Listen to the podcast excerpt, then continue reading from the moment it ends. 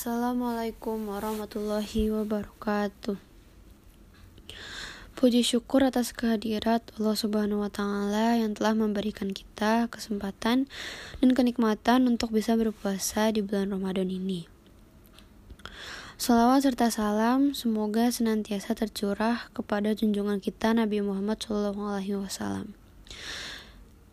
Hari ini saya akan membahas sedikit tentang teladan tentang keteladanan Nabi Muhammad SAW.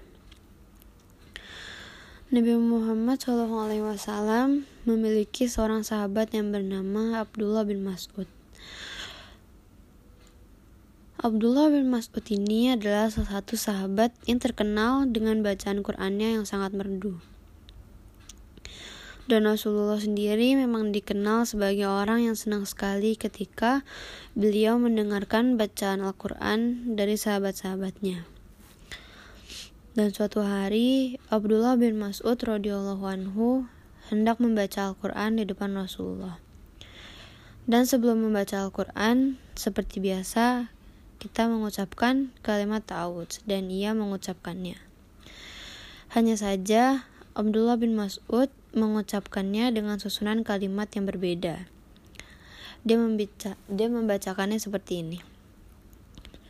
A'udzu billahi samiil alim minasyaitonir rajim.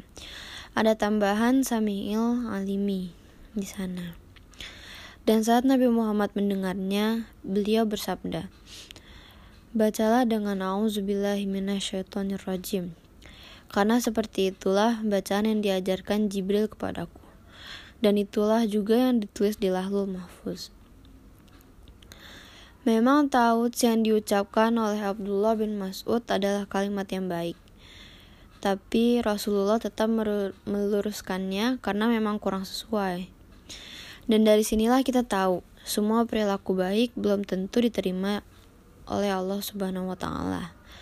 Kebaikan itu harus sesuai dengan apa yang diajarkan oleh Rasulullah Shallallahu Alaihi Wasallam agar perbuatan tersebut menjadi benar.